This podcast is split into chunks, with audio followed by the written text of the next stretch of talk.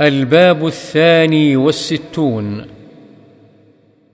باب الإيثار والمواساة.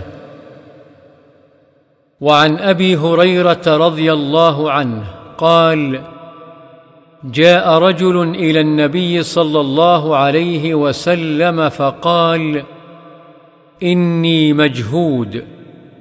فأرسل إلى بعض نسائه فقالت والذي بعثك بالحق ما عندي إلا ماء ثم أرسل إلى أخرى فقالت مثل ذلك حتى قلن كلهن مثل ذلك.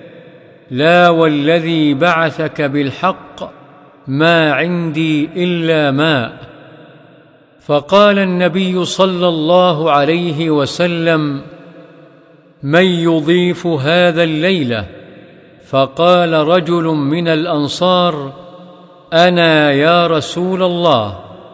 فانطلق به إلى رحله فقال لامرأته أكرمي ضيف رسول الله.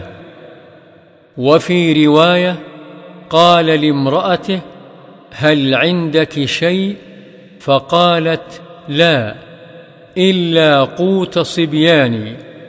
قال فعلليهم بشيء وإذا أرادوا العشاء فنوميهم وإذا دخل ضيفنا فأطفئ السراج وأريه أنا نأكل. فقعدوا وأكل الضيف وباتا طاويين. فلما أصبح غدا على النبي صلى الله عليه وسلم فقال لقد عجب الله من صنيعكما بضيفكما الليلة. متفق عليه. وعنه رضي الله عنه قال قال رسول الله صلى الله عليه وسلم طعام الاثنين كافي الثلاثة وطعام الثلاثة كافي الأربعة متفق عليه. وفي رواية لمسلم عن جابر رضي الله عنه عن النبي صلى الله عليه وسلم قال طعام الواحد يكفي الاثنين وطعام الاثنين يكفي الأربعة. وطعام الأربعة يكفي الثمانية.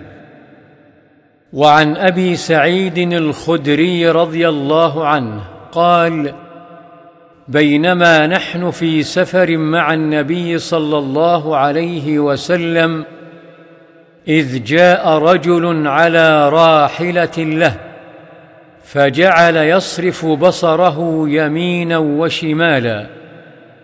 فقال رسول الله صلى الله عليه وسلم من كان معه فضل ظهر فليعد به على من لا ظهر له ومن كان له فضل من زاد فليعد به على من لا زاد له.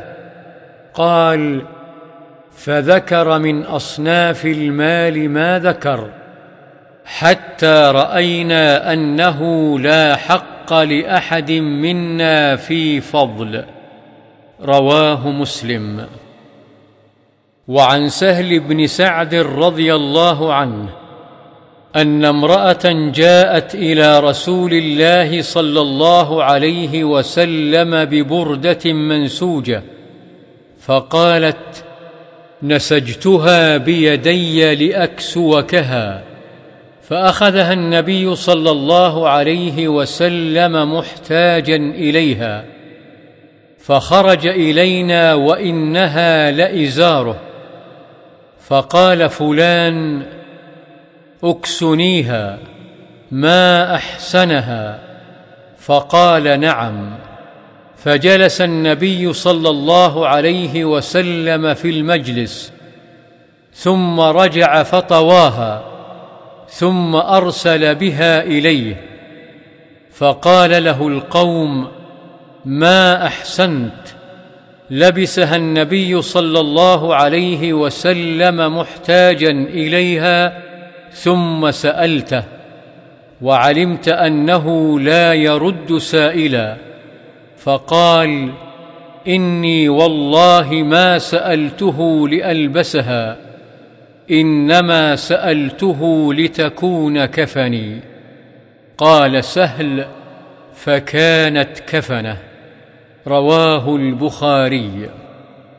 وعن أبي موسى رضي الله عنه قال قال رسول الله صلى الله عليه وسلم إن الأشعريين إذا أرملوا في الغزو أو قل طعام عيالهم بالمدينة جمعوا ما كان عندهم في ثوب واحد ثم اقتسموه بينهم في إناء واحد بالسوية فهم مني وأنا منهم.